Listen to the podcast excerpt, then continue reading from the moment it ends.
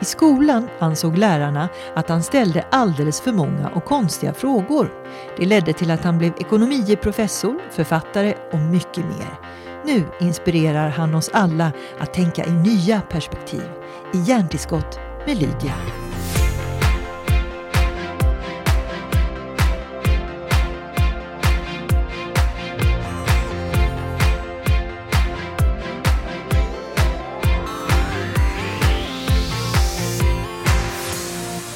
God morgon professor Mikael Dahlén.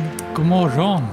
välkommen till den här podden och välkommen till Göteborg som är tillfälligt. Och sen kan vi väl också säga ifall lyssnarna undrar att vi hör ju massa andra ljud här i bakgrunden. För vi sitter nu eh, i en liten loge ovanpå massa andra spännande saker som hänt som inte jag har någon aning om vad det är egentligen faktiskt. Hör du ljudet Micke? Ja, jag är jättenyfiken. Ja. Får jag säga Micke till dig? Säg precis vad du vill. Du, när vi träffades i morse så nämnde du en sak som var ganska allvarlig tycker jag. Du pratade om separationsångest från dina akademiska barn. Mm. Och då blev jag ju så nyfiken, för jag såg verkligen på det att detta sa du med stor värme. Och för de som inte förstår, berätta vad dina akademiska barn är för någonting. Det är mina doktorander, eller numera var mina doktorander eftersom den sista, den åttonde i ordningen nu, har lämnat nästet och blev en fullfjädrad doktor igår. Och jag är, jag är väldigt dålig på att jobba. Jag slutade med det för några år sedan, jag gav upp. Så för mig det jag gör, eh, och det vi gjort, doktoranderna och jag, det är att eh, utvecklas tillsammans, göra saker vi tycker är roliga viktiga som ger oss energi och förhoppningsvis ger andra energi också. Så vi har inte jobbat tillsammans. Det är inte mina jobbarkompisar, mina anställda, utan det är, det är min familj. Och vi pratar om en relation som har pågått som längst i åtta år eller sju, åtta år. Ja, vi gräver ganska länge ja. och hittar så många spännande saker att vi aldrig känner oss riktigt färdiga förrän till slut så säger systemet och kanske doktoranderna själva att nu, nu vill jag göra någonting annat, nu är jag redo att flyga iväg. Men under alla de här åren så kommer vi varandra väldigt nära. Mm, Eller det... nu kanske jag talar för mycket för dem, jag kanske ska säga jag. Ja, jag det... kommer väldigt nära dem i alla fall. Men det kan jag förstå, för det, det är mycket grävande som du säger. Eh, och anledningen till att jag också skrattar lite när du sa det här att ni, ni gillar inte att jobba, mm. det är för att du precis har lämnat din föreläsning där det på en jätteskärm stod jobb är bajs. Just det. och, och, det är knappt så jag själv vill säga ordet. Eh, eh, du kommer undan med det. Jag kommer inte säga det fler gånger under den här podden. eh, med lång historia kort då eh, har du faktiskt eh, sagt att mellanchefer behövs inte, vi jobbar för mycket. Och jag menar, med tanke på alla som, som satsar på jobb och karriär kanske, så blir det ju lite av en chock. Ja, kanske lite av en chock förhoppningsvis för att vi känner igen något vi inte haft tid att känna efter kring. Nämligen att om det du gör är ett jobb kommer du bli väldigt duktig på att göra det så snabbt och effektivt som möjligt för att få tid över till att göra det du egentligen vill göra. Mm. Där du har energin, glädjen, de kreativa, unika tankarna som du har när du är du och tänker som du när du är du istället för någon som bara ska göra det här jobbet som du och andra har gjort så länge mm. och konkurrerar om att göra ännu lite snabbare trots att det knappt egentligen behövs. För att komma dit du är idag så har det krävts mycket jobb. Har du själv tagit dig snabbt dit tycker du? Ja, jag har ju det. Jag har ju tagit mig snabbt dit jag kommit, snabbare än de flesta. Eh, är du smartare än andra då? Nej, det vill jag inte påstå. Jag vill påstå bevisligen att jag är snabbare än de flesta för jag blev eh, professor vid en ytterst facil ålder. Som är... Tycker jag själv när jag blickar tillbaka. Ja. Åh, jag var bara barnet när jag var 34. Det var tider det. Ja, det är ungt. Och det gjorde jag för att jag var snabb men kanske också för att jag är mindre smart än alla andra och inte då insåg det jag inser nu. Att det viktigaste inte var att snabba mig så mycket på utan att njuta av tiden när jag höll på, utveckla mig själv och förhoppningsvis en liten del av världen som jag får möjlighet att interagera med. Så det är väl därför jag är kvar. Flera år efter som professor för att faktiskt ta igen det här. För nu har jag slutat jobba. Jag ser inte längre det jag gör som ett jobb. Utan någonting som berikar mig och som jag hoppas ger energi och nya tankingar, tankingar, Tankingar. tankar och förskräckelser Ja. till andra människor också. Eh, eh, jag tycker ju, du är väldigt söt när du, får man säga söt om en professor? Tack, det när, hör jag extremt sällan, så nu har du gjort min dag. eh, när du står och berättar om din barndom, för den blev jag ju väldigt fascinerad av. Du var då enligt egen utsago så jobbig som barn för du ställde ständigt en massa, massa frågor. Konstiga frågor som ingen orkade besvara. Och jag menar nu, många, många år senare, så är ju det nästan eh, kronan på verket hos en individ om man verkligen ställer frågor. Men då var du ju körd. Du, du var ju inte omtyckt som barn just för att du ställde så många frågor. Tolkar jag det rätt? Ja, dessvärre. Men det är ju inte klokt. Berätta. Jag önskar att jag kunde säga att det är helt annorlunda idag. Det har blivit lite bättre eh, genom att det finns en, en förståelse för att alla människor tänker inte likadant. Eh, det finns verktyg som gör att man kan via skärmar och olika saker faktiskt tillgodogöra sin eh, nyfikenhet, sitt sätt att fungera som gör att det inte alltid måste skötas i klassrummet. Och enda lösningen blir att ge ett nytt eget klassrum till den här personen som stoppar upp alla andra. Så det har blivit bättre.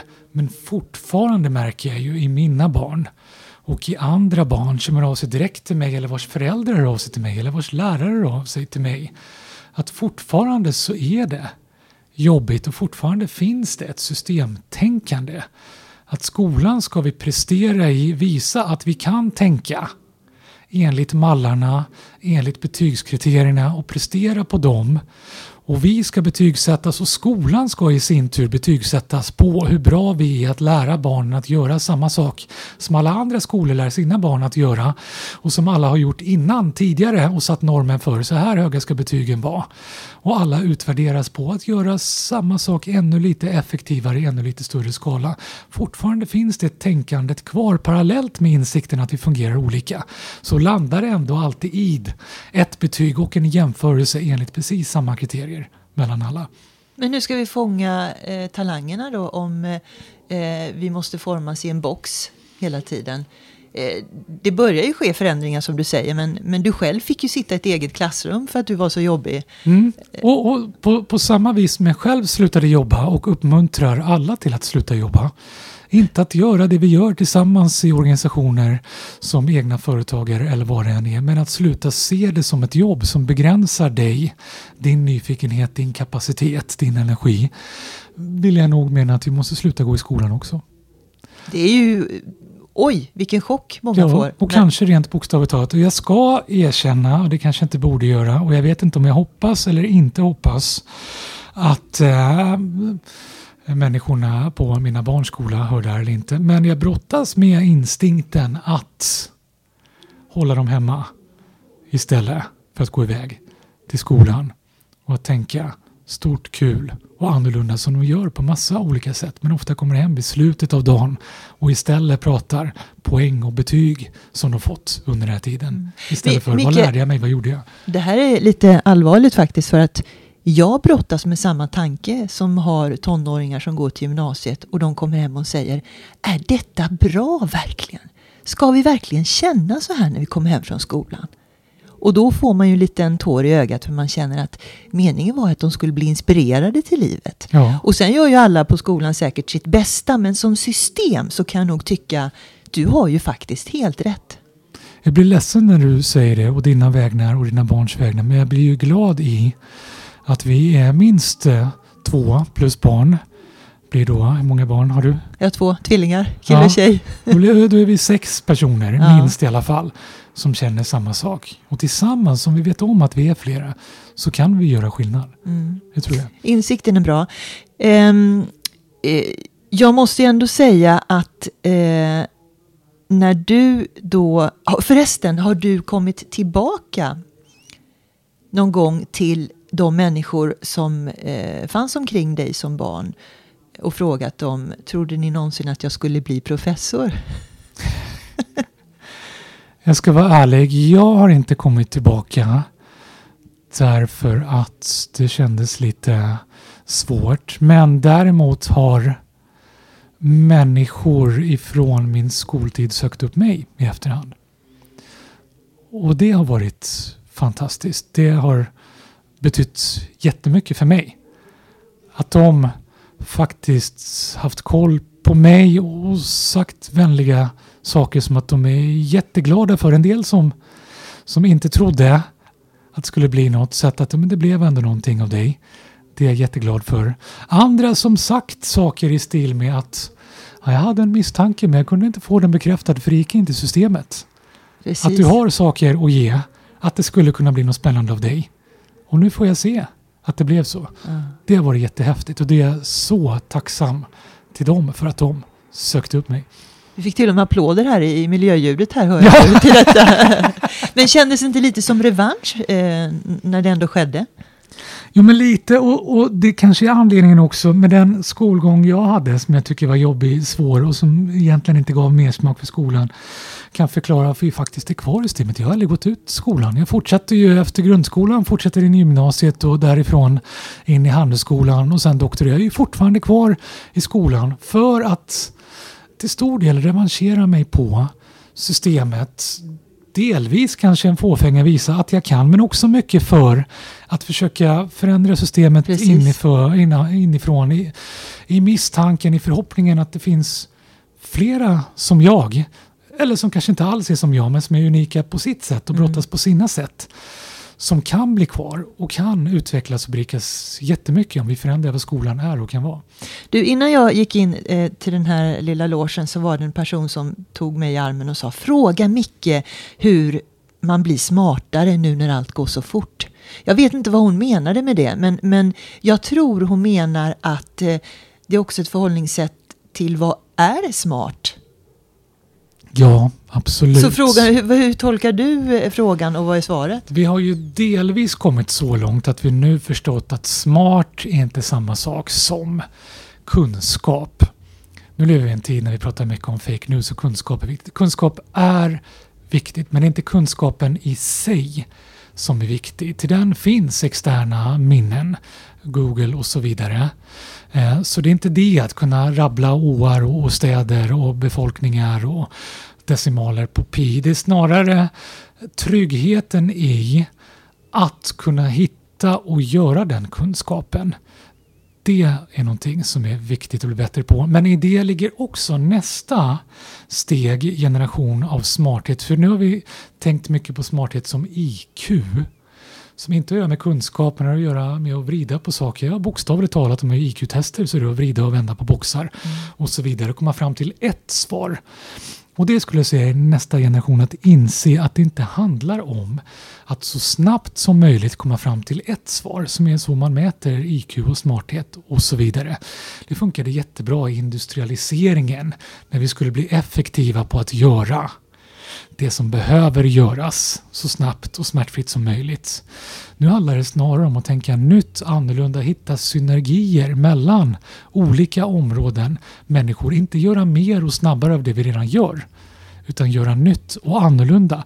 Och faktiskt tänka två tankar parallellt, ta tre olika perspektiv.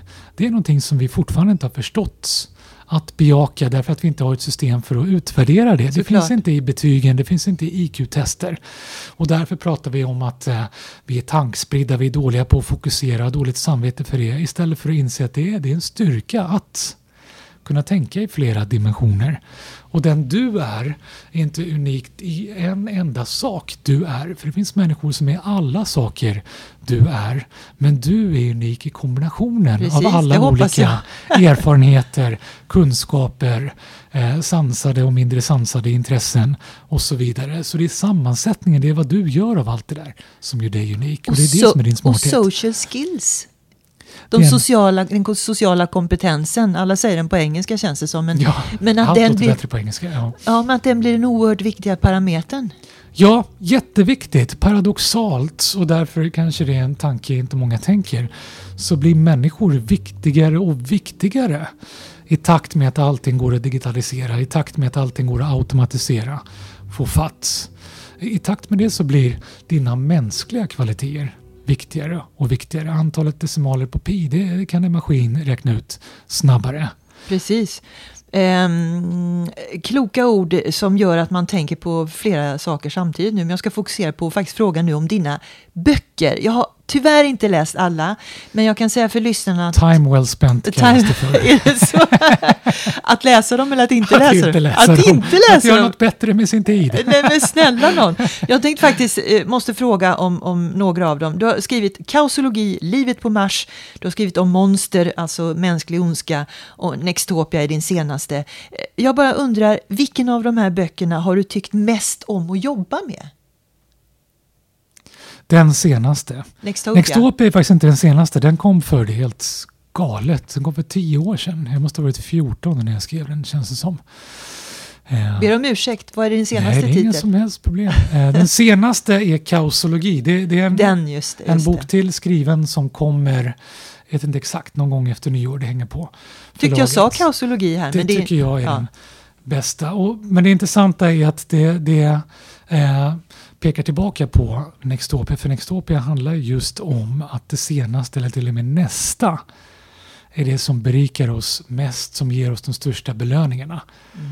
Så i så motto så är ju det är väldigt kul. Ända sedan Nextopia som jag åkt runt i världen och föreläst om så får jag frågan folk som känner sig smarta. Vad är nästa Nextopia då? Vad är nästa? Mm. Och det är så kul för där ligger ju frågan och svaret i samma. Du är fortfarande nyfiken på nästa. Du är fortfarande nyfiken på Nextopia. Mm. Med andra ord, det är någonting fundamentalt som vi aldrig riktigt kommer förbi. Mm. Men, ehm, och för de som inte då har läst vare sig Nextopia eller kausologi så, eh, så är Nextopia i alla fall en bok som handlar om li- livet, lyckan och pengarna. Denna ständiga jakt på, på som, som kanske ligger naturligt hos oss. Ehm, Om förväntningssamhället, att så mycket vi gör eh, socialt i våra jobb, ekonomin, politiken bygger till stor del på mm, förväntningar. mm. Den här Trumpen ska vi rösta på för han verkar veta vad han gör och kommer lösa allting. Ja, det gick sådär men nu tar vi ett mellanårsval och ändrar på allting i förhoppning att det blir bättre. Mm. Och vi gör samma sak här i, i Sverige. Kändes toppen när, vi gick till val så nu undrar vi vad fasen gjorde vi? Ingen vet. Men här säger du någonstans om att det är de korta belöningarna som ger lycka och du hänvisar nästan till konsumtionen i Nextopia. Ja, den vill jag ju provocera med. Alltså det var få så. folk att tänka till. Jag bara att jag började första ordet, första meningen i boken Nextopia är analsex. Mm. Punkt. Mm. För att få människor att reagera, vilket de gjorde, är det preskriberat så till en milda grad att eh, eh, organisationen på Handelshögskolan, min anstalt i Stockholm, när de fick höra att jag var på väg att ge ut en bok som hette Nextopia, så tyckte de det här vore ju jättekul att göra ett event för våra partners, eh, styrelseordföranden och vd i, i stora företag. Vi har ett event och så vore det jättekul, skulle vi kunna få köpa in ett antal böcker och ge det till dem först innan boken ens har kommit ut? Lite som Nextopia så.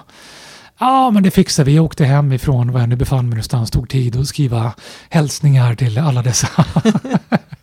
eh, och så skulle det gå ut och så dagen innan eventet när jag hade skrivit under alla de här och eh, de på den här organisationen öppnade boken för att se eh, dedikationerna och såg också första ordet analsex.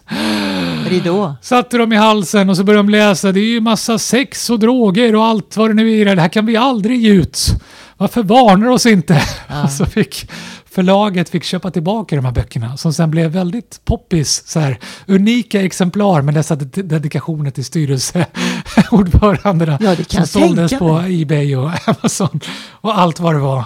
Eh, Och nu har ju folk ändå förstått tanken med att bara ruska om och konsumtion var också en sån del. Kan du köpa dig till lycka? Ja, om lycka i sig själv är ditt mål och lycka inte varar särskilt länge. Ja, då kan du lika gärna köpa dig till lycka, för du blir inte lyckligare av att gifta dig eller vad det än är. Och det är därför du är så bitter i ditt äktenskap. Därför ser vi att folk både gifter sig och skiljer sig mer än någonsin tidigare, för att de egentligen tror och hoppas för mycket på lyckan och så blir de bittra över att de inte är lyckligare än de är. Då kan du lika gärna gå och köpa en liten pryl istället. Det var för att få folk att tänka till. Men det där har jag jobbat vidare med, vilket gör att min senaste bok, Kausologi, tar liksom eh, en ny vändning på det här och kopplar tillbaka. det är klart att du inte ska hålla på och köpa en massa saker för att bli lycklig, för det varar ju inte heller. Utan vi behöver tänka till vad lycka egentligen är, vad livet är. Och inse att det här stora kaoset livet verkar vara i att saker bara händer, att vi hamnar på platser med, med partners i jobb som vi aldrig kunde föreställa oss innan och vaknar upp en dag och undrar hur hamnar jag här? Att det avgörs i alla de små sakerna vi gör, alla små beslut, alla möten som, som vi inte ser, som vi inte riktigt är närvarande i när vi skyndar iväg till nästa stora sak vi jagar. Vi måste bli bättre på att se och leva livet i det lilla, i varje dag. Är det inte det som många poeter har sagt i många år, att medan du springer upp på väg någonstans så är du faktiskt mitt i livet? Ja, Precis så. precis så. Vi är robotar. Vi är snabbspolare som snabbspolar oss igenom våra egna liv.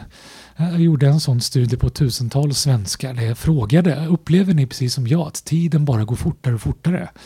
Och alla sa inte ja. En procent sa nej, jag fattar inte vad du pratar om. Men 99 procent sa ja. Mm. Och varför är det så? Jo, därför att vi bara gör mer och mer av samma sak, blir bättre och bättre på att sätta igång autopiloten för att med minsta möjliga ansträngning bara ta oss till slutet av dagen och ha klarat av allt vi ska klara av. Att livet blir det här livspusslet. Vi blir för bra på att livspussla i den utsträckning att vi ser inte de olika bitarna i pusslet. Vi bara ser helheten vi ska sätta ihop så snabbt som möjligt. Och så gör vi det och så är pusslet färdigt. Men du, eh, det här eh, får ju en verkligen att tänka till och speciellt när man då, som både du och jag har barn, dina barn är hur gamla de? 15 och 13. Ja, mina är 17 då. Eh, då är det intressant att tänka perspektiv. Mm. För vilka perspektiv ska du diskutera med dina barn om de knappt kan fokusera på eh, utbildning och skola för att de är så upptagna av hur fasen ska vi rädda världen. Mm. Och nu ska vi liksom sopa upp eh, skiten för att fortsätta på ditt tema här idag. eh, eh, I god tid så att de kan få ett vettigt perspektiv. Förstår du hur jag tänker? Mm. Absolut. Vi ska rädda världen. Det finns inget alternativ. Men då har vi inte tid att sitta i eh, föreläsningssalar och lyssna på en professor. Vi ska inte rädda världen medelst alla dessa avtal, Kyotoavtal, Parisavtal och så vidare. För de märker vi, de går att riva upp när som helst. Och det vi avtalar om är sånt som inte är aktuellt ett år senare. Därför ska vi inte tänka för långt fram i tiden och fatta beslut om en tillvaro som vi inte vet hur den ser ut.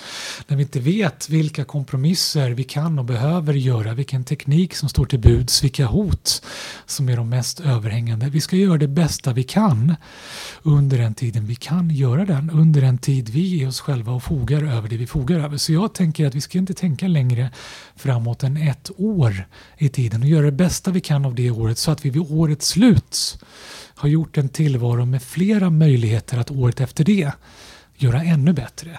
Det är någonting jag pratar med politiker om, med företag om, med mina barn också. Att du måste tänka lite längre fram, men blir det för långt fram så blir det abstrakt. Det blir någonting där det alltid får ta baksätet till saker som är mer akut. Nästa vecka, idag, nästa timme. Därför behöver vi göra framtiden och den längre sikten lite mera akut, lite närmare i tiden. Så att den inte hamnar i baksätet, att det inte blir en, en konkurrens hela tiden med det som händer här och nu, utan det blir också ett här och nu som gör att när jag jobbar på det som ska göra världen bättre så har det en effekt idag också så att de jobbar för varandra. Hur långt ska man tänka då? Varandra. Hur långt ska man tänka fram i taget då? Jag tänker ett år framåt i tiden. Eh, I vad, allt? I allt? Ja, jag planerar aldrig längre än ett år framåt i tiden, mm. vad det än är faktiskt. Mm. Och då kan jag också bryta ner det året i kortare perspektiv, på månader eller veckor är jag väldigt förtjust som jag ju har testat på mig själv, att se kan jag förändra hela mitt liv en vecka i taget? Och det går. Det går att göra väldigt mycket på en vecka som gör att jag nästa vecka har helt nya möjligheter och en helt ny repertoar och arbeta utifrån. Och det är någonting vi pratar om, mina barn och jag också. Hur kan jag ha det som ett projekt vid sidan om? Att göra någonting lite bättre som inte tar så lång tid. Det är någonting som kan ta, jag älskar att räkna. Och inse att var. Ja, varje dag har vi 24 timmar. Och, och 23 av de timmarna blir vi lätt blinda för när vi ser tiden i dagar. På arbetsplatser så ser vi det i timmar, vilket kanske är 8 eller 9 eller 10 om man blir kvar väldigt länge eh, timmar på en arbetsdag. Och där blir vi också blinda för alla dessa minuter. 60 per, per timme, 600 per arbetsdag om man har 10 timmar. Där vi kan göra jättemycket. För ingen timme är egentligen en timme lång. Inget timslångt möte är egentligen en timme långt. Vi kommer lite sent eller går lite tidigt och sitter vi där en hel timme så är vi ändå inte mentalt närvarande en hel timme. Tankarna försvinner iväg till annat. Att använda de minuterna här och där som vi faktiskt inte använder för att vi är blinda för dem blir väldigt mycket. Det kan bli en timme, flera timmar varje dag som i sin tur blir, blir flera dagar i månaden, om året och jättestor skillnad i utveckling vi kan göra. Tänk att applicera alla de här tankarna på ett företag och tänka just sådär. Eller hur? Vilka effektiva Ja, ledningsgrupper det hade blivit. ja, och förhoppningsvis lite lyckligare. Ja. Men det här, det här inrymmer i, i, inryms i, i den diskussionen kring som ständigt pågår hur vi ska mäta allting nu i framtiden när BNP, kä- BNP känns ganska omodernt. Ja, Eh, väldigt omodernt. Väldigt omodernt. Och det här har jag tagit upp med flera personer eh, av din rang. Eh, och de kommer alltid med förklaring om att ja, men än så länge är det här ett bra system för att och så vidare. Men det är ingen som säger vi gör så här istället. Nej, jag skulle säga att än så länge är inte det här ett bra system. Det var bra fram till för tre decennier sedan, om man ska vara snäll. Kanske ännu tidigare än så. Sen dess har det inte varit bra, men vi har inte hittat ett bättre alternativ. Eller rättare sagt, vi har inte hittat ett perfekt alternativ. För svaret när jag och många med mig säger det här är inte bra, det här är inte perfekt, blir ofta från alla håll, ja men kom ett perfekt, vad, vad är perfekt, vad är det perfekta alternativet då? Och om vi ska behöva ha ett perfekt alternativ för att ändra på det vi har, kommer vi aldrig kunna flytta på oss. För vi vet inte vad som är perfekt. Vi vet inte vad som är hela lösningen förrän vi börjar experimentera och testa. Vi kan inte räkna ut på förhand alla effekterna av att börja mäta och målsätta. Det är väl lite som kryptovalutorna, att det, det testas till höger och vänster Ja. och så får man se vilket som lever längst. Precis, vi måste testa och för varje test vi gör så lär vi oss och utökar möjligheten att göra någonting ännu bättre steget efter det. Så BNP är inte perfekt, det är inte ens det bästa alternativet, det är inte ens bra. Men vi har inget alternativ som vi vet är perfekt eller hur det är bättre innan vi börjar testa. Och det finns en massa olika alternativ att testa. Låt oss börja testa. Mm. Du, var och en som individ och kanske även som företag har ju eh, ett varför som hela tiden surrar i huvudet. Varför man gör vissa saker och ting. Varför man går upp överhuvudtaget på morgonen. Mm. Och men anledningen till att jag tar upp det här det är för att jag vet att du är involverad i många bra saker. Och en av dem är ju Barnens klimatpris. Ja, jättekul. Ja, och det är för kort då, du får rätta mig om jag har fel, men det är alltså någonting som startar som ett svenskt initiativ av energiföretaget Telge och Södertälje kommun. Och nu snackar ju faktiskt stora delar av världen om det här priset. Det har fått uppmärksamhet i alla fall. Nu kanske jag boostar det för mycket, men Jo, men så är det och det är det som har varit vårt mål också. Att lyfta de här frågorna eh, till eh, en global nivå och inse att det vi gör i liten skala, nu är vi tillbaka till det vi pratat om, att i liten skala får vi igång någonting som i nästa steg eh, ger lite större skala som i nästa steg. Det är alla de små sakerna som tillsammans blir någonting stort. Och det vi vill göra är att sätta ljuset på initiativ som är ganska små, som barn gör runt om i världen som är helt fantastiska. Men de har inte nätverket, de har inte plattformen, de har inte ekonomin att göra global skala av det här, förändra hela världen, att få uppmärksamhet på det här runt om. Det kan vi hjälpa till med.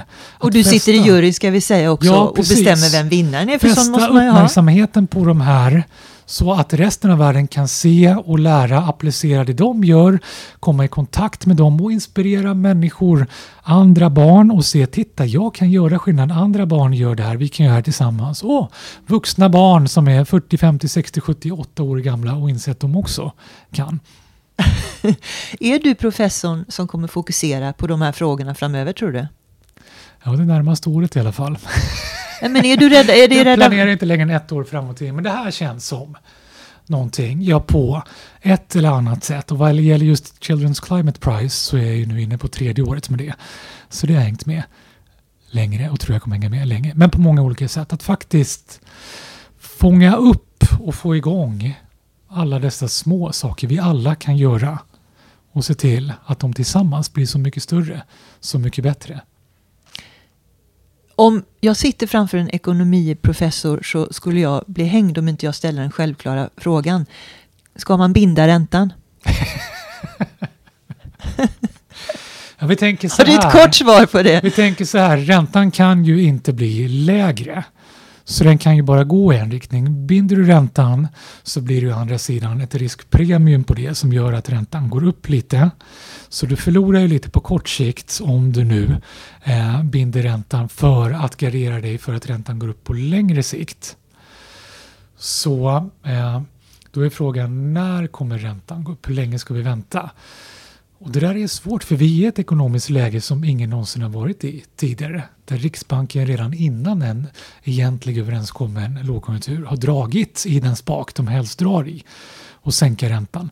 Så de kommer också bli tvungna att experimentera. Om det nu är så att ekonomin migrerar in i kryptovalutor och allt vad det är därför att pengarna inte blir något värda, varför investera i svenska kronor? Vilket surr. Så kanske det blir så för första gången egentligen då att Riksbanken höjer räntan för att göra våra pengar mer värda. Men då får vi problem med konsumtion och så vidare. Så jag tror att räntan kommer bli mera, nu pratar jag som en hel ekonomiprofessor, mera volatil.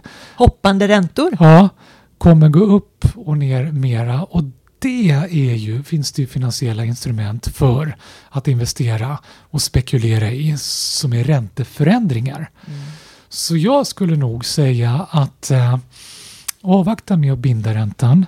Det kan du göra när som helst och än eh, tror jag inte vi kommer få en höjning av räntan för Riksbanken vill stävja lågkonjunkturen lite. Oj vad långt det här blev.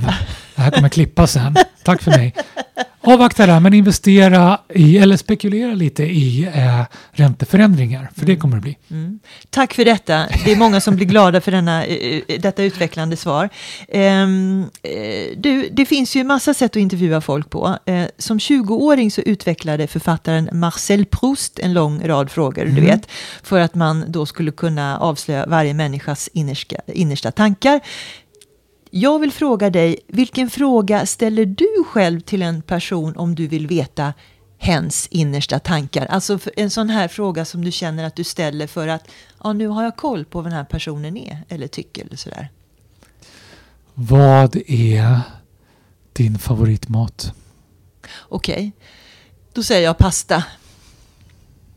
Tycker du att du vet vad jag är för person på det svaret? Ja, nu blev jag lite besviken. Ja, men jag är tokig i pasta. Jag har en så- trodde mer om dig. Är det dåligt att äta? Jag gillar pasta. ja, Okej, vi släpper det. Då vet jag lite grann hur du tänker. Nej, Eh, men det säger mycket. Och om jag ska svara så Ja. säger det att eh, du eh, bejakar kanske livet lite mera än, än många andra. Tack. Därför att pasta går jag. att, att variera på en väldig massa olika sätt. Och tar vi det i ett svenskt perspektiv så är ju pasta någonting vi är väldigt medvetna om är laddat med ganska mycket kolhydrater. Ja.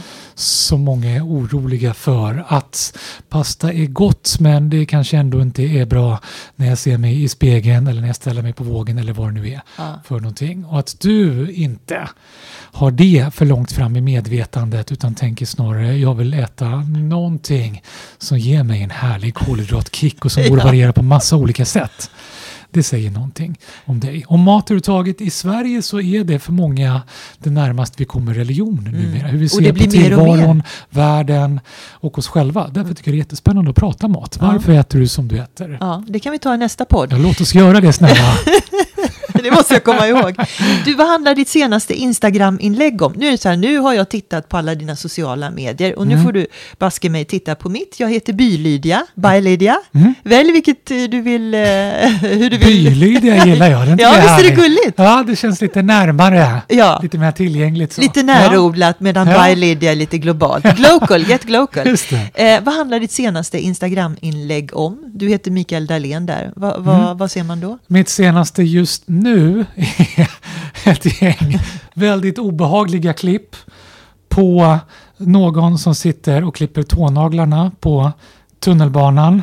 Eh, Ja, någon som badar i diskhon på en snabbmatsrestaurang. Eh, någon som är väldigt ingående i att gräva i sin egen näsa på ett café. Och någon som eh, tränar mage och äter pizza samtidigt på ett gym. ja, och vart ville du komma med det inlägget? Med det vill jag komma att sätta fingret på den ökande hemifieringen jag ser runt omkring mig. Att vi har flyttat ut vardagsrummet i det offentliga rummet och kanske gjort oss lite för hemma i vissa miljöer. Det kom sig av att jag tredje gången på mitt eh, gym eh, när jag såg någon stå och raka pungen i omklädningsrummet inte kunde låta bli att säga snälla kan du inte göra det här hemma? Och höll på att hamna i ett ganska våldsamt slagsmål med den här personen som tyckte att det har väl inte du med att göra. Jag gör väl vad jag vill. Och Så där då- kläckte du denna spaning helt Ja, och enkelt. då vill jag se, finns det flera som tycker och tänker som jag? Har ni andra erfarenheter så? Det har fyllts ganska bra och jag uppmanar alla som lyssnar på det här, gå gärna in, det kanske inte är det senaste längre, men, men ni hittar det en bit bak om ni deeplikar som det heter och kom med, med era observationer. Det har varit fantastiskt och skräckblandad förtjusning att höra historierna om vad folk har upplevt i offentliga inrättningar. Mm. Hör du, professor Mikael Dahlén, tack så väldigt mycket för dina konstiga frågor och tankar. Tack så jättemycket för att jag fick dela den här stunden med dig, jättehärligt!